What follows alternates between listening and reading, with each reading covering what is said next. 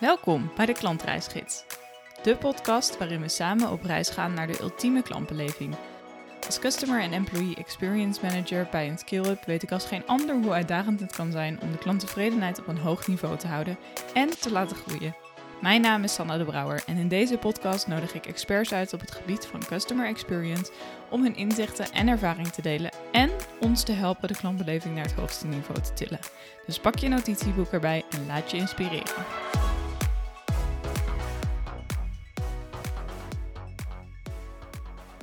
Hallo, welkom Friederike. Wat leuk dat je mijn gast wil zijn in deze podcast. Dankjewel voor de uitnodiging. Leuk Ja. om hier te zijn. Ja, dankjewel. Ehm ja, eh, ik begin altijd even met een eerste vraag. Wie ben jij en waar is jouw klantreis eigenlijk begonnen? Ja, goeie. Eh, ik ben Friederike Niehoff, geboren en getogen in Duitsland en 14 jaar geleden naar Nederland verhuisd voor mijn studie. Eh, ik woon nu in Arnhem samen met mijn vriend. Ehm, en ik ben CX'er in hart en nieren. Eh, ik ben CCXP, dus Certified Customer Experience Professional, Mhm. consumentenpsycholoog, eh, auteur van een boek over CX, eh, columnist, voorzitter van de CX-groep bij de Klantenservice Federatie, maar vooral CX-consultant en interim manager met een fascinatie rondom menselijk gedrag. Cool. Ehm, en dat is ook waar mijn klantreis begonnen is, denk ik, toen tijdens mijn studie consumentenpsychologie. Mhm. Dat is nu tien jaar geleden. Ehm, en toen ging het nog vooral om branding, marketing. Waarom doen klanten wat ze doen? Toen heette het nog niet CX. eh, we hebben het niet zo genoemd. Nee. Maar we hebben wel heel veel klantonderzoek gedaan. Dus ik denk dat daar mijn klantreis begon. Ehm, en ik heb daarna ook eigenlijk alleen nog maar UX en CX rollen gehad. Mhm. Eh, eerst aan de klant, eh, eerst aan de bureauzijde bij een bureau en daarna aan de klantzijde bij eh, Kramp en Swiss Sense, waar Mhm. ik verantwoordelijk was voor customer experience. Ehm, en nu alweer bijna anderhalf jaar zelfstandig als freelancer. En ik help organisaties om CX-programma's, klanttevredenheid, klantbeleving naar een hoger niveau te brengen. Tof. Ja. ja. Dus echt een beetje ook vanuit de marketinghoek eigenlijk in de CX gerold. Ja, ja eigenlijk wel. Ja, klopt. Tof. Leuk. En ehm, oké, ik wil even beginnen met een aantal definities, want die gaan we Mhm. waarschijnlijk heel veel noemen in Ja. deze podcast. Dus dan hebben we dat maar eventjes uit de lucht geholpen. Ja. Ehm, wat wij namelijk gaan noemen is eh, CX. Dat Mhm. is eh, Customer Experience. Mhm. Ehm, EX, daar gaan we het ook over hebben. Dat is wat meer Employee Experience. Ehm, en eh, jouw boek heet natuurlijk Why Your Customer Experience Program Will Fail. Mhm. Wat is nou een Customer Experience Program? Ja. Ehm, voor mij is een Customer Experience Program de eh, verzameling van alle activiteiten die je doet rondom het verbeteren van Customer Experience. Ehm, sommigen noemen het een programma, anderen noemen het een project. Weer andere mensen zeggen, ja, het is ook geen programma, want het houdt nooit op. Nee. Ehm, ik weet niet of je bekend bent met het CX Framework vanuit de CXPA. Nee. Dat is een framework bestaande uit zes onderdelen. Mhm. Ehm, dus eigenlijk een soort van zes pilaren waar je aan zou moeten werken binnen je CX-programma. Mhm. Ehm, de strategie, de governance, dus hoe is het georganiseerd. Mhm. Dan heb je de klantgerichte cultuur, nummer drie. Eh, je hebt een stukje klantbegrip, dus wie is je klant, wat is de klantbehoefte, het onderzoek daarna. Ja. Eh, metrics, dus welke KPI's meet je, eh, gewoon je CX-meethuis. Ja. En als laatste gewoon customer journeys, dus echt Mhm. concrete klantreisverbeteringen. Oh ja. Ja. Dus dat zijn zes, eh, zes onderdelen ehm, op basis waarvan je CX kan verbeteren. En idealiter draait een CX-programma rondom die zes onderdelen, Ja. zodat je een holistisch programma hebt. Ja, precies. Ja. En dat is bijna ook de manier hoe jullie je boek hebben ingedeeld. Bijna wel, ja. ja klopt. Ja, we hebben, we hebben zeven hoofdstukken. Ja. Eh, dus eigenlijk de zeven meest gemaakte fouten, de Mhm. grootste vuilkuilen. Ehm, en inderdaad, er komen wel wat elementen vanuit het framework in terug. Mhm. Maar we hebben bijvoorbeeld ook geschreven over employee experience, Ja. eh, over operational excellence. Dus het komt er veel in voor, maar het is niet gebaseerd op de zes onderdelen. Nee, precies. Nee, precies. Ja, het komt er wel veel in voor. Inderdaad. Ja. Ik herken het echt. Ja. Ja. ja, in deze podcast gaan we in eerste instantie dus eventjes eh, een aantal stellingen door. Mhm. Ehm, daarna wil ik met jou uh, de ja, je grote lessen eigenlijk. Dat, dat lezen we natuurlijk ook heel erg in het boek. Dus daar ga ik me even verder op in. Um, en ik heb een trend uitgezocht, namelijk personalisering. Daar gaan we verder over kletsen. Super interessant. En uh, nou, ik had ook nog uh, heel veel meer vragen over jouw boek. Dus waarschijnlijk wordt dat een deel 2 van deze podcast. dus dan kan de luisteraar daar alvast, dat alvast verwachten. Um, laten we eerst eventjes naar de stellingen gaan. Ik heb uh, jullie boek gelezen en op basis van het boek eigenlijk een aantal stellingen bedacht. Mm -hmm. uh, dus ik ben heel benieuwd. De eerste stelling is: het enige wat je hoeft te doen om een CX-programma te laten slagen, is een business case te berekenen. Ja, nee, helemaal mee oneens. helemaal mee oneens. Um, ja, een business case is wel super handig, omdat het jou gewoon helpt om te onderbouwen wat het oplevert, uh, mm -hmm. werken aan CX. -hmm. Dus het maakt je leven zeker makkelijker. Ja. Um, het is ook tegelijkertijd best wel moeilijk, omdat je er een heleboel data voor nodig hebt. Ja. En uh, slimme data mensen om het aan elkaar te knopen. -hmm. um, maar goed, stel dat je alleen een business case hebt en verder niks. Ja, dan, dan krijg je mensen nog niet in beweging, denk ik. Nee. Dus voor mij gaat CX echt om veel meer. Uh, ook om uh, gevoel, om cultuur, om mm -hmm. het mhm. delen van verhalen. Uh, echt continu verbeteren. Ja. Strategie. Dus ja, eigenlijk het hele framework wat ik net benoemde. Ja. Dus voor mij is een business case een onderdeel van een goed CX-programma, mm -hmm. maar niet de holy grail of niet het enige wat je nodig nee, hebt. Precies. Nee, precies. Nee, nee. Want het kan natuurlijk wel helpen met het overtuigen van bijvoorbeeld leiders om er meer aandacht aan te besteden. Absoluut, ja. absoluut. En dat is ook denk ik vaak een probleem bij veel CX-programma's, dat ze met heel veel enthousiasme bezig zijn om dingen te verbeteren voor de klant vanuit een diepe overtuiging dat, mm -hmm. het, dat het werkt. En dat deel ik ook absoluut. Um, maar zeker om, om directie te overtuigen, management of gewoon wat, wat kritische collega's, mm -hmm. helpt een business case uh, heel erg. Ja. En ook natuurlijk om focus aan te brengen. Want ja. met een business case weet je vaak ook welke verschillende onderdelen van je programma de meeste waarde opleveren. Wat voor klant het meest belangrijke is. Dus ja. het helpt ook met keuzes maken. Ja, precies. Ja. ja, dus het is wel essentieel als je je CX-programma opzet ja, bij een bepaalde volwassenheid zou ik zeggen wel. Het is denk ik niet hetgeen waar je mee begint. Nee, precies. Nee. Nee, ik zit te denken, ik vind het... Ik ben natuurlijk best wel heel erg... Tuurlijk ben ik heel erg bezig met customer experience. uh, maar ik zit te denken van waar zou ik dan een business case over schrijven? Juist meer misschien in mijn jaarplan van oké, dit, dit is het jaarplan wat ik ga maken. Uh, dit is wat ik, wat ik eigenlijk over een jaar zou willen bereiken. Dit is hoe ik daar moet komen. Dit zouden de kosten en de opbrengst soort van zijn. Misschien dat ik het daarvoor best wel goed kan gebruiken. Ja, bijvoorbeeld. Ik denk dat je ook klein kan beginnen. Dat je um, bijvoorbeeld kan kijken waar komen nu veel vragen over binnen bij de klantenservice. Mm -hmm. um, en volgens mij zijn jullie heel druk bezig met de FAQ en om dat slimmer in te richten. Ja. Um, dus stel dat je op basis van de klantdata die je meet uh, via de klantenservice, dat je weet waar veel vragen over binnenkomen, dat je de FAQ op basis daarvan slimmer inricht. Mm -hmm. uh, en je dan kan berekenen hoeveel uh, minder calls je binnenkrijgt. Ja. Nou, dan kun je daar bijvoorbeeld een kostenplaatje aan koppelen. Ja. En dat is ook CX, hè? gewoon het ja, makkelijker precies. maken voor de klant en tegelijkertijd intern de efficiëntie verhogen. Ja. Ik weet niet of jullie al klanttevredenheid meten of de NPS. Of... Ja, we, we nou alleen na uh, installatie van een laadpunt bellen wij nu klanten na en dan -hmm. vragen we de NPS uit. Mm -hmm. um, en na het sluiten van tickets mm -hmm. vragen we nu de CES-score en de gewoon tevredenheid uit. Oké. Okay. Dus... Want het is ook interessant om te kijken als je twee groepen maakt, bijvoorbeeld tevreden klanten en ontevreden klanten, op basis van die scores.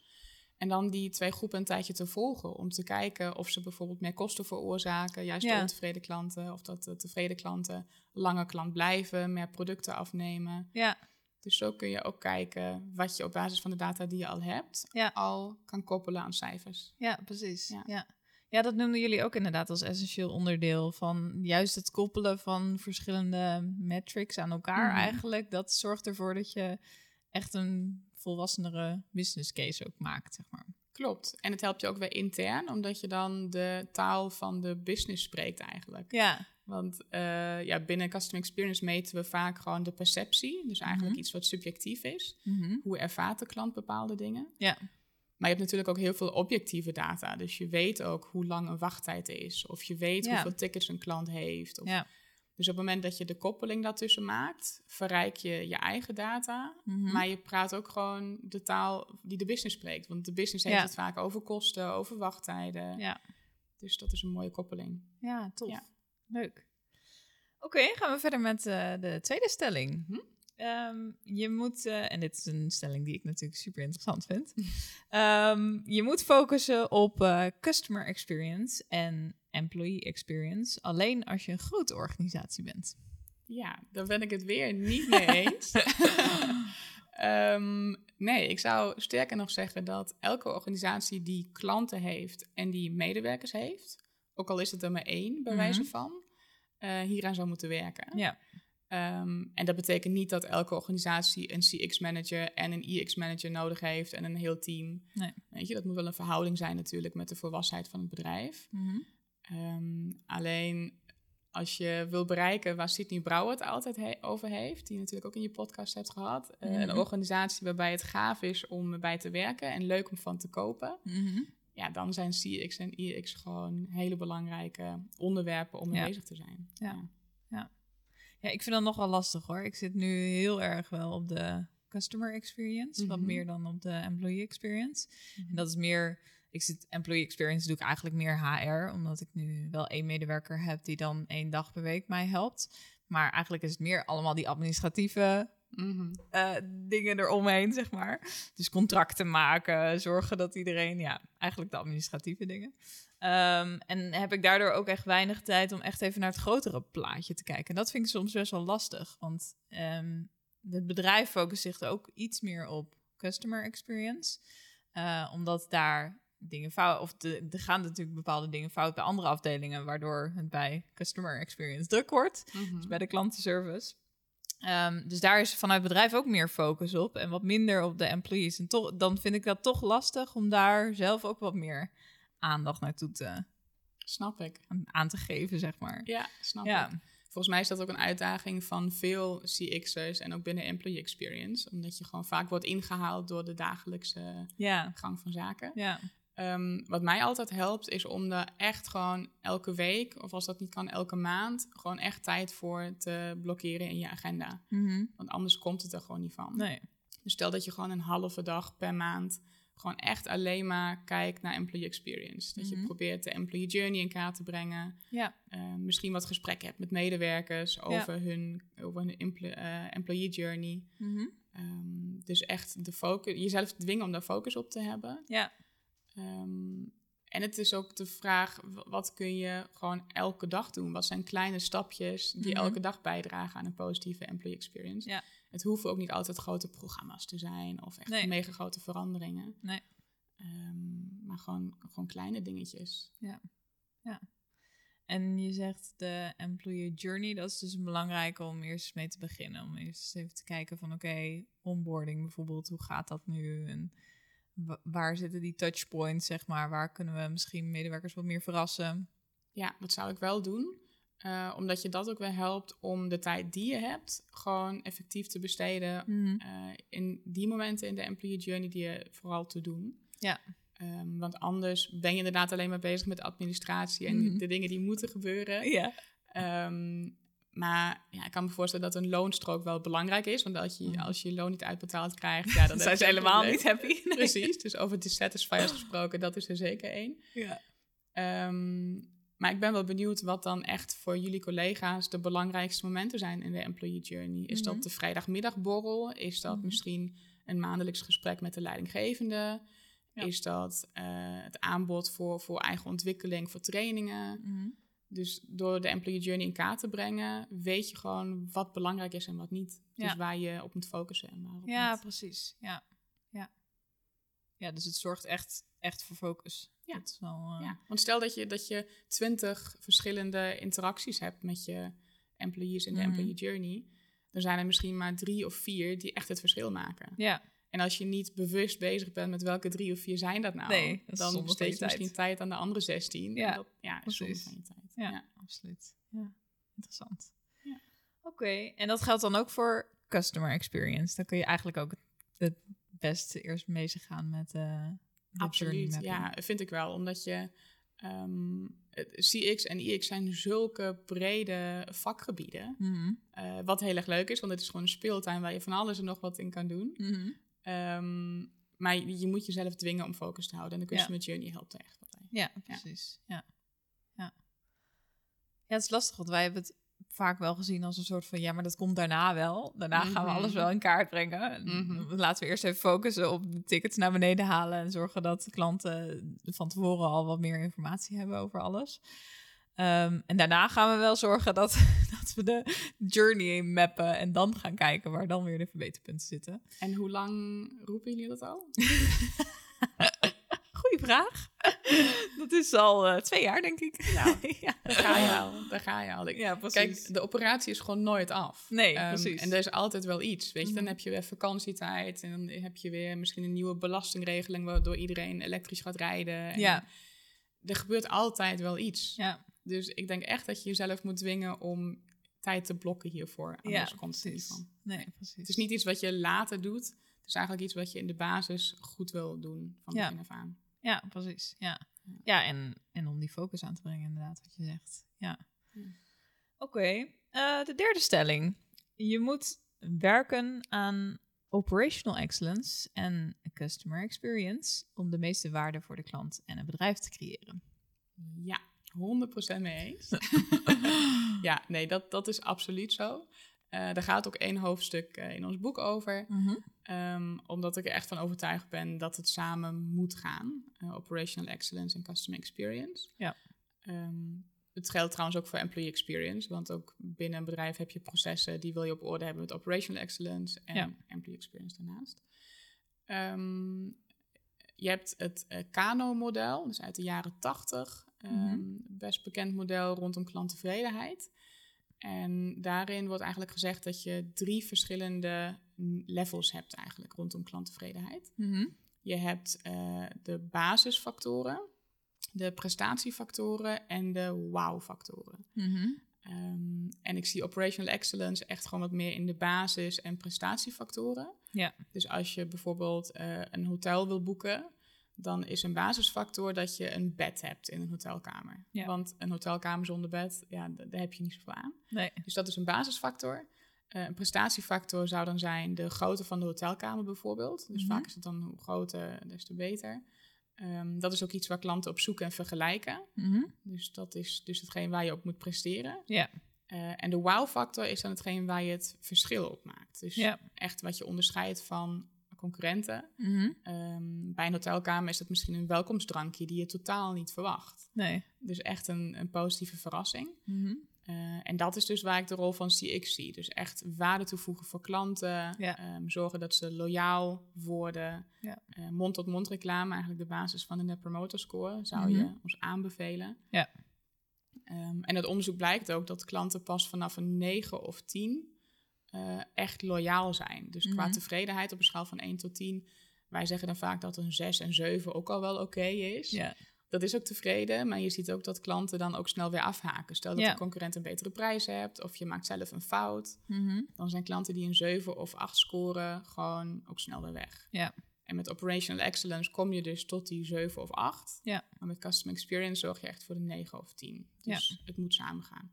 Als je alleen maar CX hebt en geen operational excellence, ja, dan ben je alleen maar pleisters aan het plakken en leuke dingetjes aan het doen. Zeker. Eh, ja, terwijl de basis niet op orde is. Nee. Dus dat zou ik ook zeker niet aanraden. Nee. Het moet gewoon echt samengaan. Ja. En hoe implementeer je dat in je processen van je, of van je bedrijf, zeg maar? Hoe ga je daarmee om? Ja.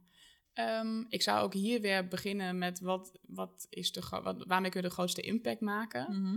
Ehm, dus als je kijkt naar je processen. Ja, tot nu toe heb ik eigenlijk alleen maar bij bedrijven gewerkt waar dat los van elkaar was. Dus we hadden Mhm. echt een Operational Excellence team en een CX-team. Ja. Ehm, waarin we wel heel veel hebben samengewerkt. Dus eh, enerzijds vanuit de proceskant, waar kun je de meeste impact maken? Welke processen hebben de grootste verbeterpotentie? Ja. Ehm, en vanuit de klantkant, wat zijn de momenten van de waarheid in de klantreis? Eh, waar is de tevredenheid nu niet goed? Ja. Dus dat helpt je eigenlijk om weer focus aan te brengen waar te beginnen. Ja. Ehm, en dan kun je eigenlijk aan allebei tegelijkertijd werken. Dus enerzijds de processen verbeteren en anderzijds leuke elementen toevoegen. Zorgen dat je de klant goed begrijpt, dat je weet hoe je het verschil kan maken. Ja. Ja. En op basis van die journey mapping ga je dus ook weer kijken naar uh, ja, waar je als operational excellence en als CX'er de meeste aandacht aan kan besteden om de snelste klappen te maken eigenlijk. Ja, en dat is ook een gevaar op het moment dat je alleen maar met operational excellence bezig bent. Mhm. Dat je heel erg redeneert vanuit interne processen. Ja. Waar je verbetert, waar je begint. En niet vanuit de klant en waar je daar de meeste impact kan hebben. Nee, precies. Ja. En uh, als er nu een luisteraar is en die werkt nog niet samen met Operational Excellence, hoe pak je dat aan? Hoe ga je met uh, dat, die andere afdeling uh, in gesprek? Mm -hmm. Ja, goeie. Um, wat wij toen bij Kramp hebben gedaan als voorbeeld is, we hebben elkaars trainingen gevolgd. Okay. Dus uh, ons Operational Excellence team was getraind in Lean en Six Sigma. Mm -hmm. uh, getraind in Green Bells en Black Bells. En wij hebben toen zelf de Green Belt training gevolgd om überhaupt te begrijpen wat houdt het eigenlijk in en waar hebben we het eigenlijk over. Ja. Nou, dat is ook denk ik meteen een, best wel grote stap. Mm -hmm. ik denk dat je kleiner zou kunnen beginnen door gewoon een keer een dag stage te lopen bij die collega's. Gewoon een dag mee te lopen, te kijken hoe werken zij, waar zijn ze mee bezig, mm welke systemen, processen, werkwijzes hebben zij. Ja. Um, en dan het gesprek daarover aan te gaan. Gewoon te delen wat jij weet over processen, over klanten, over klantbehoeften, over de customer journey. Ja. En zo gewoon samen zitten, brainstormen en verbeteren. Ja, precies. Ja. Ja. Ja, en ook gewoon inderdaad die voordelen van het samenwerken gewoon echt wel goed uitlichten, zeg maar. Want je komt uh, door het samen te voegen, kom je volgens mij veel verder. Absoluut, ja. En dat kan op alle mogelijke manieren. Dat kan door je data samen te voegen, bijvoorbeeld in één gezamenlijk dashboard. Mm dat kan ook zijn door gezamenlijke presentaties te geven intern, door um, ja, gezamenlijke rapportages uit te werken. Ja. Dus er zijn heel veel manieren, afhankelijk van wat bij het bedrijf past, om daarmee aan de slag te gaan. Ja, precies. Ja. ja. Dan wil ik verder gaan naar de grote lessen. Want jullie schrijven natuurlijk seven proven ways to avoid dat je customer experience program will fail. Wat als je nou het boek nog niet hebt gelezen, wat zou je aanraden als de grootste les eigenlijk uit het boek mhm. die je wil delen met de luisteraars? Oh, wat een moeilijke vraag. dat, ja. Um, ik denk dat er niet één grootste les is. Ik denk dat het heel erg afhankelijk is van wie je zelf bent, mhm. eh, van je organisatie, van waar je staat in je CX-reis. Mhm. Ehm, wat misschien goed is om uit te leggen, is dat we in het boek eigenlijk twee grote thema's beschrijven. Eén eh, thema is gewoon meer de rationele kant, dus meer de mhm. hoofdkant van CX. Dus de business case waar we het over gehad hebben. Ja. strategie, processen, operational excellence. Ja. Uh, en de andere kant is wat meer de, de hardkant. Dus wat meer de zachte kant, de emotionele kant, klantgerichte cultuur, employee experience. Ja. Um, dus ook de dingen die misschien wat minder makkelijk meetbaar zijn. Mm um, en misschien dan toch wel het meest belangrijke is dat je die twee altijd moet combineren. Ja. Dat je niet één van de twee kan doen. Nee. En dat is denk ik wat wel vaak gebeurt. Voor, vooral als er dan één iemand verantwoordelijk is voor CX mm -hmm. um, in het begin. Um, want mensen hebben gewoon natuurlijk een neiging om beter te zijn in het een of het ander. Mm -hmm. uh, en zijn zich daar ook soms niet bewust van. Nee. Dus dan werk je aan de hoofdkant of aan de hardkant. En, -hmm. en ja, doe je het ander wat minder. Um, dus combineer, combineer die twee vooral, zou ik zeggen. Ja. Um, wat goed is om mee te beginnen, is denk ik een soort van uh, analyse. Waar sta je nu? Dus hoe, ja. hoe volwassen is je programma? Of ja. überhaupt, is er überhaupt al een programma? Waar sta ja. je nu? Ja. Um, er zijn allemaal assessments voor beschikbaar. Uh, ik vind het altijd leuk om weer dat framework te gebruiken van de CXPA met die zes pijlers. Mm -hmm. Um, en op de zes pijlers te kijken, oké, okay, wel, welke van die zes doe je al goed? Dus waar ben je echt al structu structureel en proactief mee bezig? Ja. Welke dingen doe je nog wat meer ad hoc en misschien wat meer reactief? Mm -hmm. Dus gewoon even kijken, waar sta ik nu? Ja. En als je dat visueel maakt in zo'n framework, dan zie je ook meteen, oké, okay, dit is waar we echt nog aan moeten werken. Ja. Maakt het ook wel makkelijker om het intent te delen als je iets hebt wat visueel is. Mm -hmm. Dus helpt we met focus. Um, en wat wel leuk is om te delen in het boek uh, de CX Travel Guide van de, onder andere Nienke Bloem. Mm -hmm. Daar um, worden eigenlijk drie routes beschreven hoe okay. je dit kan aanpakken. Uh, de route van de denkers, de doeners en de delers. Uh, de denkers zijn dus heel rationeel. Um, ja, die gaan vaak de route van de cijfers, van de business case, van de onderbouwing met rationele redenen mm -hmm. waarom je hier aan moet werken. De doeners gaan gewoon aan de slag. Die gaan gewoon de klantreis verbeteren en die gaan gewoon uh, continu optimaliseren. En de delers, die gaan vooral met het cultuurelement aan de slag. Ja. Um, dus verhalen delen, uh, klantgerichtheid, gewoon echt leven, lead by example. Mm -hmm. Dus dat is misschien wel een leuke manier om te kijken welk van de drie zijn jullie. Weet je, Blue Current, wat, wat past bij jullie? Zijn jullie Ja. denkers, doeners of delers? Ja.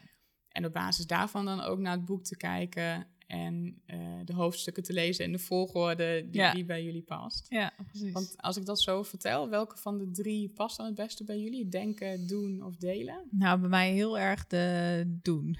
Ja? Ik ben iets te veel. Iets te veel. Oké, ik ga dit wel even verbeteren. En dan achteraf denken. Ja, was dit eigenlijk wel de meest handige weg om nu te gaan, zeg maar. Ehm, en ik herken het ook heel erg in jullie boek, want eh, de co-auteur Alexandra, waarmee jij schrijft, is heel Ja. erg groen. Klopt. Ja. Herken ik enorm. Ik ben ook enorm groen. ja. Dus eh, dat is wel heel erg grappig. Dat ik heel erg merk inderdaad. Ik ben iets minder goed in dat stukje waar jij weer wat beter in bent. Dus een stukje strategie, business case. En ik heb allemaal zoiets van, ja, nee, dat is toch allemaal niet nodig. Gewoon doen. Gewoon doen, ja, Ja. precies. En eh, dus ik, her- ik herken mezelf enorm daarin, ja. En, en ik vind het ook wel lastig inderdaad om juist het andere deel van mij ook aan te zetten. Dus hoe ga je Mhm. nou... Ik vind dat best wel moeilijk. Hoe ga je nou met strategie om? Hoe wil je Mhm. nou... Hoe ga je nou... Wat verwachten mensen nou als ik een business case ga schrijven? Wat, Snap ik- ja, ik vind dat best wel moeilijk om zo, zo'n doel te stellen en dan de stapjes te formuleren daar naartoe. Mhm. Ik denk dat het al best wel goed is dat je daar zo bewust van bent. Want Mhm. dat is sowieso stap één om te verbeteren. Ja, Ehm, en misschien helpt het gewoon om jezelf echt gewoon een keer op te sluiten en gewoon aan de strategie te werken. ja, Ehm, en dan gewoon een aantal vragen mee te nemen die je wil beantwoorden. Ja. Dus eh, wie willen jullie zijn voor de klant? Mhm. Gaan jullie vooral voor gemak en voor snelheid? Mhm. Eh, gaan jullie vooral voor een goede prijs? Gaan jullie voor de beste klantenservice en altijd Ja. een stapje extra? ja, Dus hoe hoog leg je de lat eigenlijk? Ja. Wil je wat meer de, de Ryanair zijn of wat meer Mhm. KLM ja, bijvoorbeeld? ja, Ehm, dus dat geeft al heel erg richting. Ja. Eh, dan ook, wie is je klant eigenlijk? Eh, Mhm. Kun je daar een profiel van schetsen? Wie Ja. is je klant ook vooral niet? Waar sta je ook niet voor? Dat kan ook helpen als het Mhm. gewoon best wel breed is. Dat je gewoon met, begint met, oké, wat zijn we eigenlijk zeker niet? Waarvan weet ik zeker dat we het niet zijn, niet willen doen? nee, Om gewoon wat richting te geven. ja. Ehm, dus dat zijn vragen waar je gewoon mee kan beginnen, denk ik. Ja, dat is wel een hele goeie, ja. ja. Dan gaan we naar het laatste onderwerp, de trends. Leuk. Ehm, Ja. Ik heb eh, personalisering uitgekozen als trend, dus daar Mhm. gaan we het eh, wat meer over hebben.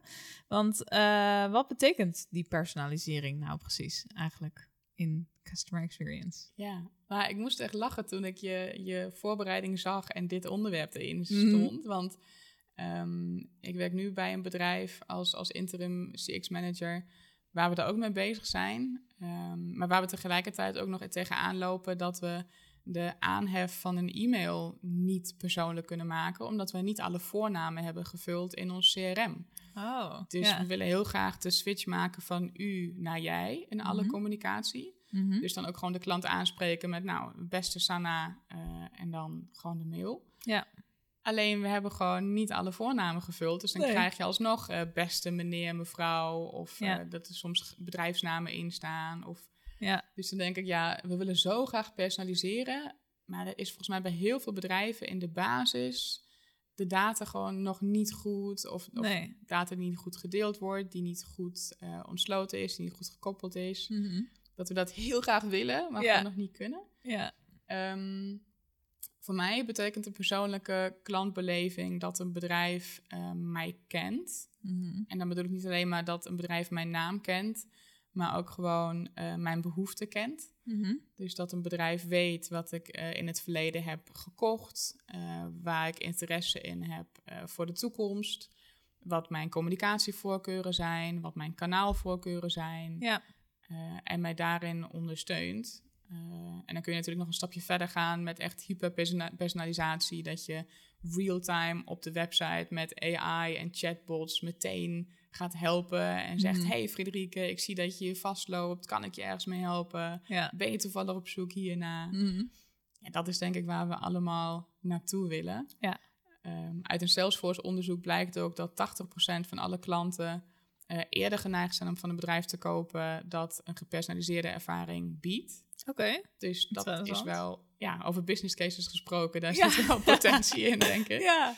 Ehm, maar uit het Zendesk eh, report, CX Trend Report voor dit jaar, eh, uit het onderzoek bleek dat volgens mij 67% van alle leiders die ze hebben on- ondervraagd, ehm, die zeggen dat hun data nog totaal niet klaar is daarvoor. Dat, Nee. dat de, de manier waarop ze klantdata gebruiken nog heel erg ongestructureerd is en heel Mhm. erg reactief. En Ja.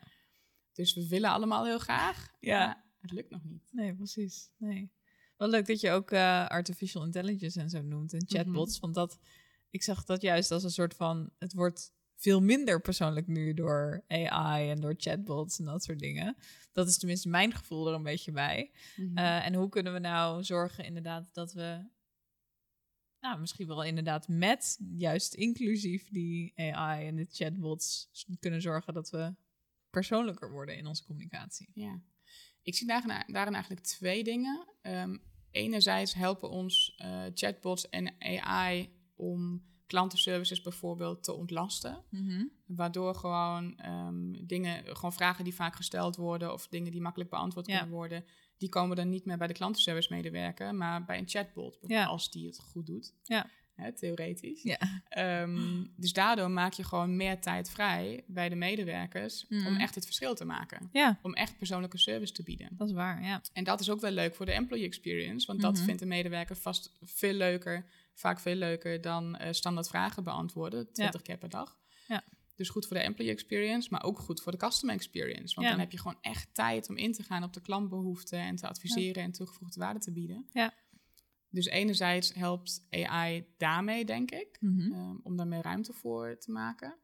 Um, en anderzijds kan het ook juist helpen door alle data goed te gebruiken, te koppelen en met gewoon slimme analyses te zorgen dat het persoonlijk voelt, Mhm. ook al is het dat niet. Nee, precies. Nee. Um, Kijk, want bij een webshop maakt het mij eigenlijk niet zoveel uit of, of iemand mij echt kent of dat de data gewoon zo goed ingericht is dat ik het gevoel heb Mhm. dat iemand mij goed kent. Nee. Weet je, zolang ik maar mijn doel bereik en eh, vind wat ik zoek, ja, Ja. dat vind, ik- vind ik helemaal prima. Ja.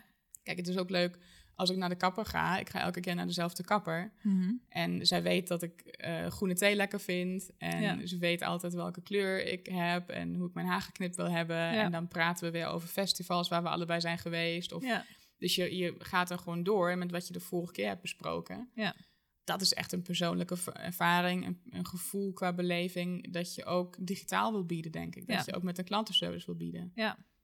Ehm, dus dat kan. Mhm. En dan heb je echt wel goede data nodig Ja. en technologie nodig om dat te faciliteren. Ja. Daar zijn we denk ik Nee. Nee. nee, ik zit ook helemaal te denken, oké, maar hoe gaan we dat dan... eh, bijvoorbeeld de, de voor, het voorkeurskanaal, hoe gaan we dat dan inderdaad in, in ons CRM verwerken, zodat alle klantenservice medewerkers dat weten, of bepaalde verjaardagen, of misschien iets belangrijks wat er de vorige keer is gebeurd of zo, of iemand is net verhuisd, of hoe ga je dat inderdaad verwerken in, in je systeem, zodat een Mhm. klantenservice medewerker dat misschien de volgende keer, als er weer iets gebeurt, dat mee kan nemen Mhm. of bepaalde klachten. Er is een hele grote klacht geweest die misschien twee maanden heeft geduurd of zo, omdat we helemaal naar de dealer moesten van de auto. En ja, dat, dat heeft gewoon een tijdje geduurd. Je wil dat natuurlijk een soort van meenemen weer in het volgende contact. Mhm. Zit al heel erg te denken, hoe gaan we dat in het systeem, zeg maar, Ja. implementeren? ja, ik denk dat het begint bij een goed systeem. Heb je een goed Mhm. systeem waarin het allemaal kan? Ja. Ehm, dan is ook heel belangrijk dat er bewustzijn is bij iedereen waarom dit belangrijk is. Ja. Ehm, dus gewoon een keer uitleggen aan de collega's van de klantenservice. ehm, waarom vinden wij het zo belangrijk dat de datakwaliteit goed is? Ja. Waarom is het belangrijk om goed te loggen? Wat, wat kunnen we daarmee? Ja. Ehm, misschien ook collega's zelf de vrijheid geven om erop te acteren. Dus Mhm. eh, geef ze bijvoorbeeld een maandelijks budget om klanten te verrassen die jarig zijn, die iets Ja. bijzonders hebben meegemaakt. Want dan merken collega's vaak vanzelf: oh wacht, als ik dat wil doen, heb ik wel informatie nodig over de klant. Ja. Dus dat stukje bewustzijn is denk ik wel heel belangrijk. Ja. Ehm, ja, en datakwaliteit blijft gewoon zo, zo, zo belangrijk. Ja. Om, om dat goed te hebben staan. Ja. Ehm, ik weet, we hebben een keer een e-mailcampagne gedraaid bij een bedrijf. Die wilden we heel persoonlijk maken. Ehm, maar een collega had in de CRM gezet, een, een opmerking ingezet dat de zoon van een klant was overleden. Mhm. Uh, maar per ongeluk in het verkeerde veld, in het uh, voornaamveld. Dus de e-mailcampagne uh, ging dan als volgt: Beste zoon is overleden. Hier jouw persoonlijke aanbieding. Oh nee. Nou, dat is echt gewoon worst, worst case scenario. Ja. Dus datakwaliteit is gewoon cruciaal Ja. als je met personalisatie aan de slag wil. Ja. Ehm, even kijken. Ja, dus we hebben inderdaad al gewoon al genoemd wat nou de voordelen van personalisatie zijn. Zijn er ook nog nadelen? Ehm, ja, ik denk AVG technisch. eh, dat, ja, dat is natuurlijk altijd een beetje lastig. Waar ligt de balans tussen Big Brother is watching you Mhm. Ja. en gewoon een persoonlijke beleving bieden? Ja. Ehm, maar goed, daar zijn allemaal richtlijnen voor wat wel mag, wat niet mag. Dat is denk ik allemaal goed beschermd. Mhm. Ja, verder nadelen. Ja. Kun jij nadelen bedenken? Ehm, nou, eh, ik vind het wel lastig nog. Je hebt natuurlijk bepaalde klanten willen bepaalde dingen. Ehm, en daarin zijn ze natuurlijk ook weer heel erg verschillend. Dus de een vindt het wel leuk om dingen te ontvangen of zo, en de ander weer niet. Mhm. Dus daar zit ik wel mee in mijn hoofd. Van hoe ga je dat dan opvangen eigenlijk? Hoe ga je nou zorgen dat je, dat je die behoeftes van de klant inderdaad goed... van elke individuele klant. Mhm. En dat zie ik best wel als een groot... Ja, een groot ding, zeg maar. Je moet wel echt die behoeftes van elke individuele, individuele klant achterhalen en Ja. opschrijven. Ja. ja, dus je hebt eigenlijk geen segmentatie meer Nee. van grote groepen klanten. Maar gewoon eigenlijk een soort van segment of one. Dus Ja. elke klant is een individueel segment. ja precies. Ehm, ja, dat, dat kan ook weer vooral door data, denk ik. Mhm. Door klanten goed te volgen, wat Ja. ze doen, wanneer ze op de website komen, wanneer ze daarna bellen, Ja. goed te loggen. Ja. Ehm, en je kan het ook hier, je kan het niet altijd voor iedereen goed doen, Nee, denk ik. nee, precies. Dus ik zou ook daar weer gewoon klantonderzoek doen van tevoren en gewoon echt het gesprek aangaan of een keer een enquête versturen van hey, we hebben een paar ideeën, die willen we een keer gewoon pitchen. Wat vinden jullie hiervan? Ja. Eh, wel leuk, niet leuk. Ja. Dus om dat eh, van tevoren in kaart te brengen en dan gewoon lekker experimenteren. Gewoon Ja. lekker testen, beginnen, klein beginnen ehm, en kijken wat het doet. Hoe reageren klanten? Ehm, we hebben bijvoorbeeld bij ehm Swiss Sense eh, werd toen een 9-plus moment geïntroduceerd door een geurpakketje te versturen na het afleveren van het bed. Volgens mij een week later of zo. Eh, dat werd gewoon met een brievenbuspakketje verstuurd. Eh, de eigen, eigen geurlijn van Swiss Sense, echt superleuk. Cool. Eh, en klanten verwachten dat natuurlijk niet. Nee. Dus sorry voor alle klanten die nu nog een Swiss Swiss Sense bed gaan kopen. Nu is de verrassing natuurlijk weg. Maar ehm, daar kregen we zulke leuke reacties op van klanten die dat gewoon op social media gingen delen Ja. en, en ons dan gingen taggen. Ehm, dus dat is gewoon leuk om gewoon dat soort experimenten te doen en te kijken wat krijg je dan terug. Mhm. Of Ja. misschien een paar klanten na te bellen waar je zo'n experiment hebt gedaan. Wat levert het dan op? ja, precies. Ja. Ehm, Om ook even die loop te closen eigenlijk. Van oké, Zeker. ja, Ja. precies. Absoluut. En betrek ook weer de collega's daarin. Hè? Want die spreken klanten elke dag, de collega's van de klantenservice. Eh, die hebben vast zelf ook wel leuke ideeën. Die Mm. kennen klanten goed. Ehm, Ja. ja. wat werkt wel, wat werkt niet. Geef ze zelf de vrijheid om daarmee aan de slag te gaan. Ja, precies. Ja. Ja. Ja. Ik sprak gisteren een collega aan die heeft bij een grote organisatie gewerkt. En die zei ook, we hebben onderzoek gedaan bij die grote organisatie naar... als je iemand bijvoorbeeld een bon geeft eh, in plaats van een handgeschreven kaartje. Mhm. En blijkbaar ging de NPS omhoog als je een handgeschreven kaartje schreef... in plaats van een bon voor x aantal euro Wow. na Ja. klacht, zeg maar. Ja. Dus dat is ook wel echt bizar, bijzonder. Dat je gewoon... Wij denken allemaal, ja, die handgeschreven kaartjes... inmiddels is iedereen daar toch wel klaar mee, zeg maar. Terwijl, als je dan zo'n onderzoek hoort... dat is wel echt heel cool. Dat Ja. je gewoon met een handgeschreven kaartje... gewoon meer bereikt dan geld terug in de vorm van een bon. En dat is gewoon win-win, toch? Want Ja. het is goedkoper dan een bon. Ja, precies. Eh, het is leuker voor de medewerker om te doen dan zomaar een, een bonnetje versturen. Ja. En de klant is er super blij mee. ja, precies. Eh, het moet gewoon geen trucje worden. Het moet Nee. gewoon niet een standaard tekst. En Nee, weet precies. je, je moet er gewoon wel moeite voor doen, denk ik. De klant moet wel Ja. voelen dat het persoonlijk is. Ja. Ja, maar wat gaaf. Ja, echt heel cool. Ja. Ja. ik vond het ook heel leuk om te horen. Ehm, dat was hem, Friederike. Eh, het eerste deel van eh, ons interview. En in het tweede deel gaan wij nog dieper in op eh, het boek. Superleuk. Dankjewel. Jij bedankt. Wat tof dat je hebt geluisterd naar deze aflevering van de Klantreisgids. Wil je weten wat ik en andere luisteraars zoals jij hebben gedaan met de tips en inspiratie uit deze aflevering? Sluit je dan aan bij de Klantreisgidsgroep op LinkedIn. Dankjewel voor het luisteren en tot de volgende keer.